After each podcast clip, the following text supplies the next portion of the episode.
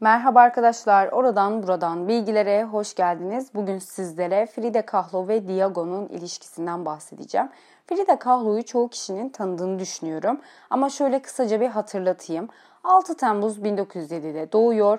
Frida Kahlo 3 yaşındayken Meksika devrimi başlıyor. 6 yaşında çocuk felci geçiriyor ve bir bacağı sakat kalıyor. 18-19 yaşında bindiği otobüsün trenle çarpışmasıyla demir çubuklardan biri Frida Kahlo'nun sol kalçasından girip leğen kemiğinden çıkıyor ve o olaylardan sonra ömrü hastanelerde geçiyor. Sağlık sorunları nedeniyle hiç çocuğu olmuyor. 1950'lerde omurga sebebiyle 9 ay hastanede yatıyor. 1954-1953'lerde kangren sebebiyle bacağını kesiyorlar. 1954'te akciğer embolisi nedeniyle ölüyor. Frida Kahlo Meksika'nın çok önemli bir ressamı. Otoportre ve sürrealist çizimlere sahip, sosyalist ve feminist bir kadın. Diego Rivera ise duvar resimleriyle ünlü Meksikalı bir ressam. 8 Aralık 1886'da doğmuş. Babası harp okuluna gitmesini istemiş ama Diego ressam olmaya kararlıymış ve çok iyi bir ressam olmuş. Picasso ile falan çok yakın arkadaşmış. Üç kez evlenmiş. Ya Diego'nun hakkında çok bir bilgi yok. O yüzden şu sözle ilişkilerini anlatmaya başlamak istiyorum. Hayatta başıma iki korkunç kaza geldi. Biri geçirdiğim otobüs kazası, diğeri sendin Diego. Sen en kötüsüydün demiş Frida Kahlo. Her ikisi de Meksika devriminde kısa bir süre sonra 1928'de Meksika Komünist Partisi aracılığıyla bir araya geliyorlar. Diego 43 yaşında, Frida Kahlo 22 yaşındaymış. Diego o sıralar aşırı ünlü bir ressam. Frida Kahlo da Diego'dan sanatçı olarak kariyer yapması için yetenekli mi değil mi diye böyle resimlerini falan gösteriyor. İşte eleştirsin falan istiyor. Diego eserlerinden çok etkileniyor ve şöyle diyor. Alışılmadık bir ifade enerjisi, karakterin kesin bir şekilde betimlenmesi ve gerçek şiddet gösterdiğini belirtmiş ve eklemiş. Bu kızın otantik bir sanatçı olduğu açık demiş. Tabi o sıralar Diego hala evliymiş. Zaten ondan önce bir kez boşanmış. Üçüncü evliliği de Frida olacak. Frida Kahlo Diego'ya aşırı aşık olmuş ki arkadaşları bu hayranlığı aşka aşırı şaşırıyorlarmış. Hatta onun koca göbekli, pis, korkunç olduğunu söyleyen arkadaşlarına Diego öyle kibar ve tatlı ki ben onu yıkar ve temizlerim demiş ki gerçekten de Frida Kahlo'nun dediği gibi olmuş. Gel zaman git zaman kısa bir süre sonra evlenmek istemişler ama Frida Kahlo'nun ailesi evliliğe karşı çıkmış. Hatta ailesi Diego'yu fil, Frida Kahlo'yu güvercin diye nitelendirmişler. Nedeni de şöyle yazmışlar. Diego'nun yanında Frida fotoğrafçıların objektifte tıpkı tablolarını seyredenlere olduğu gibi gözünü kırpmadan küstahça ve dik dik bakan gözleriyle bir çocuğu andırıyordu. Frida'nın yanında Diego ise çok yaşlı gözüküyordu. Çizgileri ağır ve belirgindi. Frida Kahlo incecikti. Diego dev gibiydi. O yüzden güvercinle filin aşkı demişler. Ama bir şekilde 21 Ağustos 1929'da evleniyorlar. Düğün Meksika ve uluslararası basın tarafından bildiriliyor. İki sanatçı da birbirlerine duydukları aşkı her fırsatta ifade ediyorlarmış. Ama Diego aşırı çapkın bir kişiliği var ve bu konuda adı bile çıkmış çapkınlığı el sıkışmak olarak tanımlıyormuş. Neyse 1930'larda iş için San Francisco'ya taşınıyorlar. New York'a gidiyorlar. Yani bir süre yanlış hatırlamıyorsam 1933'e kadar Amerika'da yaşıyorlar. Bu sıralar Frida Kahlo için çok zor zamanlar. Hamile kalıyor ama 18 yaşında geçirdiği otobüs kazası sebebiyle düşük yapıyor. 3 ay sonra annesi ölüyor ve 1933'te Meksika'ya dönüyorlar. Frida Kahlo'nun hastalığı yükseliyor, ayak parmakları kesiliyor. Diego da Meksika'ya dönüşleri yüzünden Frida'yı suçluyor. Evlilikleri aşırı gerginleşiyor ki zaten Diego Frida'yı aldatıp duruyor ama Diego'nun asıl darbesi Frida'nın kardeşiyle aldatmasıdır. Hatta rivayetlere göre bu ilişkiden bir çocukları bile olmuş diye yazılır. Diego'nun kız kardeşiyle ilişkisi olduğunu öğrenince şu satırları yazmış Frida Kahlo. Hoşgörülü ve özgürlükçü olmaya çalıştım. Hepimizin dünyaya bir kere geldiğini ve yaşamımızı hem nicel hem nitel olarak en iyi biçimde geçirmemizin mantıklı olduğunu fikrini benimsemeye çalıştım. Yine de acı çekiyorum. Üstelik acı çekmekten dolayı suçluluk duyuyorum. Çünkü özgürlüklü düşüncelere sahip olduğunu söyleyen birinin böyle acı çekmesi yakışıksızdı. Bir kısır döngüydü. Kendimi kurtaramıyordum. Aylar geçiyor, ilişkileri hala sürüyordu yazmış. 1935'te bu ilişkiyi öğrenince başka yere taşınıp boşanmayı düşünmüş. Tabi Frida Kahlo bundan sonra Diego'yu aldatmaya başlıyor. Aslında Frida'nın da ilk aldatması olmuyor. Başlıyor kelimesi çok yanlış olur. Aldatmayı arttırıyor diyebiliriz. 1931'de Nicholas Murat ile Frida'nın bir ilişkisi olduğu yazılıdır. İlişki de şöyle 1931'de Meksika'da tanışıyorlar ve Nicholas kara sevdaya falan düşüyor Frida Kahlo'ya karşı. Nicholas o dönem altın çağında çok ünlü bir fotoğrafçı. Tabi Frida da istediği ilişkiyi buluyor ama Diego'ya saplantılı bir şekilde aşık. Diego ona ne yaparsa yapsın, ne kadar aldatırsa aldatsın ya da Frida aynı şekilde birbirlerinden asla kopamıyorlar. Ayrıca Nicholas'ı da çok seviyor. Hatta bir mektubunda şöyle yazmış. Nick bir meleği severcesine seviyorum seni. Sen vadimde bir zambaksın aşkım. Seni hiç unutmayacağım, hiç ama hiç. Sen hayatımsın benim.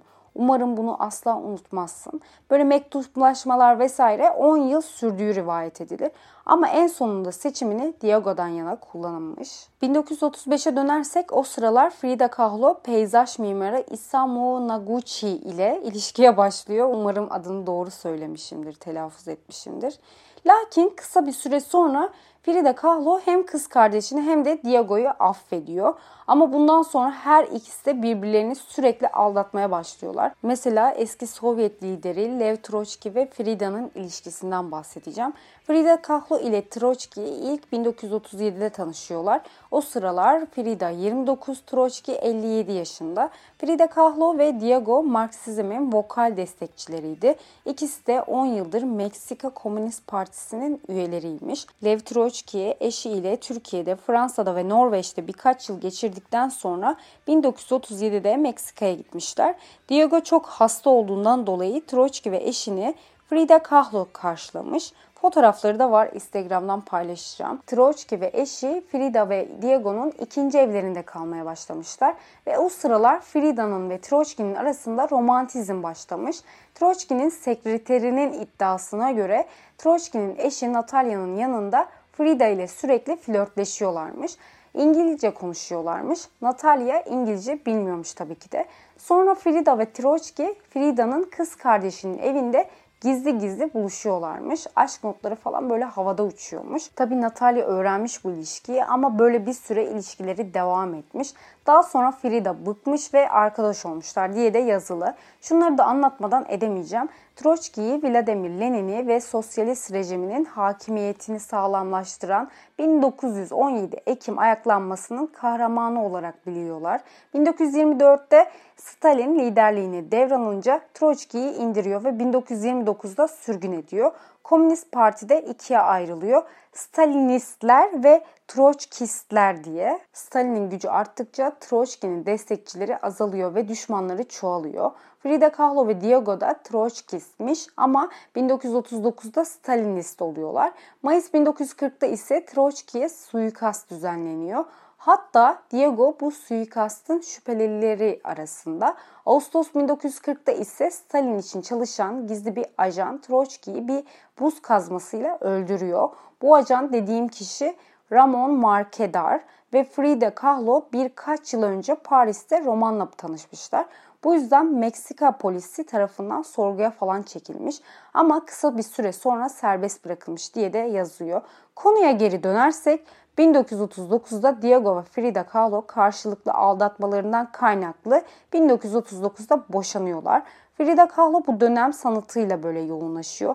Bir sürü portreler üretiyor. Yoğun alkol tüketmeye başlıyor. Diego'dan ayrılmaya falan dayanamıyor hastalığın yükseliyor ve San Francisco'ya gidiyor. Diego da Troçki'nin öldürülmesinden sonra San Francisco'ya kaçıyor. Tabi o sıralar Diego'nun ilişkisi var ama Frida Kahlo ile yeniden bir ilişkiye başlıyorlar. Ve 1940'da Frida Kahlo ve Diego tekrar evleniyorlar. Bu yıldan sonra ikisi de daha bağımsız ilişki yaşamaya başlıyorlar. Her ikisi de aldatmaya devam ediyor aşırı toksik bir ilişkileri var. Birbirlerine gram saygı duymuyorlar. Bana toksik ilişki nedir derseniz saygı, güven ve şefkat yok ama sadece aşk olan bir ilişkidir. Mesela bir ilişkiden aldığınız aşka size verilen saygıdan daha öncelik verirseniz böyle paspas gibi hissetmeye başlarsınız. Ya da güven yerine aşka öncelik verirseniz yalan söylenilmesine, aldatılmaya tamam demiş olursunuz. Veya ilişkide şefkat yerine aşka öncelik verirseniz soğuk, uzak bir varoluşa hapsolursunuz. Bunu Frida'nın Sevmekten Ne Zaman Vazgeçtim yazısıyla maç etmek istiyorum. Diyor ki, kötü günümde yanımda olmadığın zaman vazgeçtim. Canın sıkıldığında benimle paylaşmadığını, kırılacak veya tedirgin olacak olsam bile düşüncelerini açıkça söylemediğini anladığım zaman vazgeçtim. Bana yalan söylediğini anladığım zaman vazgeçtim. Her sabah benimle uyanmak istemediğini, geleceğimizin hiçbir yere gitmeyeceğini anladığım zaman vazgeçtim. Düşüncelerime ve değerlerime değer vermediğin için vazgeçtim. Ağırlarımı dindirecek sıcak sevgiyi bana vermediğinde vazgeçtim. Tablolarımda artık kendimi mutlu çizemediğim ve tek neden sen olduğun için vazgeçtim. Bencil olduğun için vazgeçtim. Bunlardan sadece bir tanesi senden vazgeçmem için yeterli değildi. Çünkü sevgim yüceydi. Ama hepsini düşündüğümde senin benden çoktan vazgeçtiğini anladım. Bu yüzden ben de senden vazgeçtim diye yazmış Diego'ya. Aslında bu yazı toksik ilişkiyi özetliyor. Birbirimizden asla kopamıyoruz çünkü birbirimizi çok seviyoruz. Çok aşığız ama rezalet bir ilişki yaşıyoruz demek istiyor. Bu arada Frida'nın tarafını falan tutmuyorum. İkisine de karşıyım. Tez elden ayrılmaları gerekiyordu bence. Mesela toksik ilişki yaşadığınızı nasıl anlarsınız? Böyle madde madde söylemek istiyorum. Eğer saygısızlık hissediyorsanız, eğer ihtiyaçlarınızı karşılamıyorsa bu maddi olarak değil bu arada manevi olarak iletişim kurmakta zorlanıyorsanız, aldığınızdan daha fazlasını veriyorsanız, değerli hissetmiyorsanız, benlik saygınız kötüleşiyorsa, pasif agresifseniz, saldırıya uğramış, desteklenmemiş hissediyorsanız, endişeli ve belirsizlik yaşıyorsanız, birbirinizin kötü niteliklerini ortaya çıkarıyorsanız, İlişkide kendinizi yalnız hissediyorsanız, fiziksel, duygusal, zihinsel, cinsel olarak istismar ediliyorsanız acil olarak uzaklaşın o kişiden. Kendinize karşı dürüst olun. Bu ilişkide nasıl hissettiğinizi sorun. Eğer kendinizi iyi hissetmiyorsanız ilişkinizde bir sıkıntı var. Ya da psikiyatrik Mehmet Sungur der ki sağlıklı bir ilişki gerçeklerle beslenir. Toksik ilişki hayallerle beslenir. Birinde ben vardır, sağlıklı ilişkide biz vardır. Birinde şüphe vardır, sağlıklı ilişkide merak vardır. Bence her şeyin fazlası kötü. Fazla kıskançlık, fazla rahat olmak gibi. İlişkide böyle kısıtlanmak, sanrılı kıskançlığa maruz kalmak çok fena ya. Direkt ilişkinizi gözden geçirin. Zaten insanlar şunu anlamıyor. Sen o kişiyi istediğin kişiyle görüştürme. Böyle kafeste tut, her önlemi al.